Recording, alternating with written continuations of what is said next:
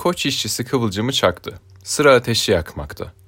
Koç Üniversitesi Hastanesi'nde çalışan taşeron sağlık işçileri, diske bağlı Dev Sağlık İş Sendikası'nda örgütlendikleri için Aralık ayı başında işten atılmışlar ve bunun üzerine hastane önünde direniş başlatmışlardı.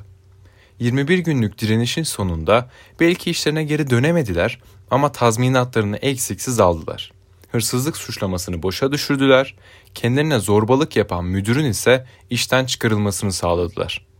Koç işçisinin sendikalaşmanın tüm zorluklarına rağmen örgütlenmede oynadıkları öncü rol, başka hastanelerde başarılı sendikal örgütlenme deneyimlerine zemin hazırlayacaktır.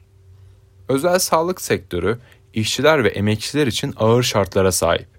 Uzun çalışma saatleri, mobbing, düşük ücretler, iş güvencesizliği.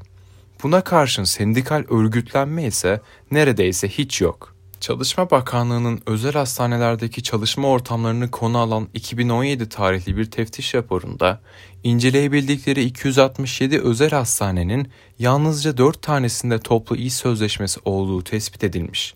Bugün de durum çok farklı değil. Özel sağlık sektöründe sendikal örgütlenmenin zor olmasının bazı nedenleri var.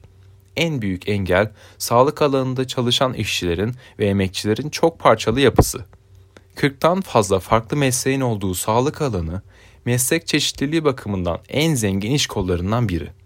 Bu da her bir meslek grubunun diğerine göre kendisini daha avantajlı veya daha üst konumda hissettiği gerçek dışı bir ortam oluşmasına katkı sunarak sendikalaşmanın önünde engel oluşturuyor. Diğer bir engel özel hastane zincirlerinin sektöre egemen olması. Tekil hastanelere göre zincir hastanelerde sendikal çoğunluğu elde etmek çok daha zor. Buna ek olarak özel sağlık sektöründe yakın dönemde başarılı sendikalaşma deneyiminin olmamasını sayabiliriz. Geçmişte yaşanmış özel hastane sendikalaşma deneyimlerinin ise günümüze aktarılamıyor olması da başka bir engel. Peki özel sağlık sektöründe sendikalaşmak neden önemli?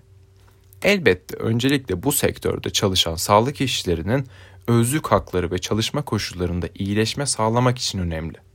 Ama onunla sınırlı değil.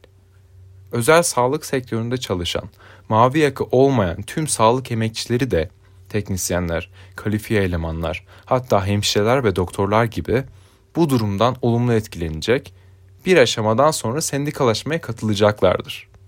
Sendikalaşma tek bir hastanede kalmayacak, tüm sektöre dalga dalga yayılacaktır. Özel sağlık sektörünün çalışma şartlarına etki eden önemli değişikliklerden biri kamu sağlık alanındaki emekçilerin çalışma şartlarıdır. Bugün tersi de geçerlidir. Özel sağlık sektöründe örneğin taşeron alanında yaşanacak sendikalaşma hamlesi karşılığını mutlaka kamu alanında da bulacaktır. Özel sağlık sektöründe ve kamuda var gücüyle sendikalaşmaya çalışan ve tecrübe birikimi en fazla olan sendika elbette dev sağlık iş. Dolayısıyla sağlık alanında faaliyet yürüten emek meslek örgütlerinin özel sağlık sektöründe örgütlülük sağlamak için dev sağlık iş ile dayanışması ve beraber hareket etmesi elzem. İstanbul Tabip Odası, sağlık hizmetlerinin herkes için eşit, ulaşılabilir, ücretsiz, nitelikli bir şekilde kamu eliyle verilmesi gerektiğini düşündüğü için tüm özel hastanelerin kamulaştırılması gerektiğini savunuyor. Aynı zamanda doktorların özlük haklarının ve çalışma koşullarının iyileştirilmesi için de çalışıyor.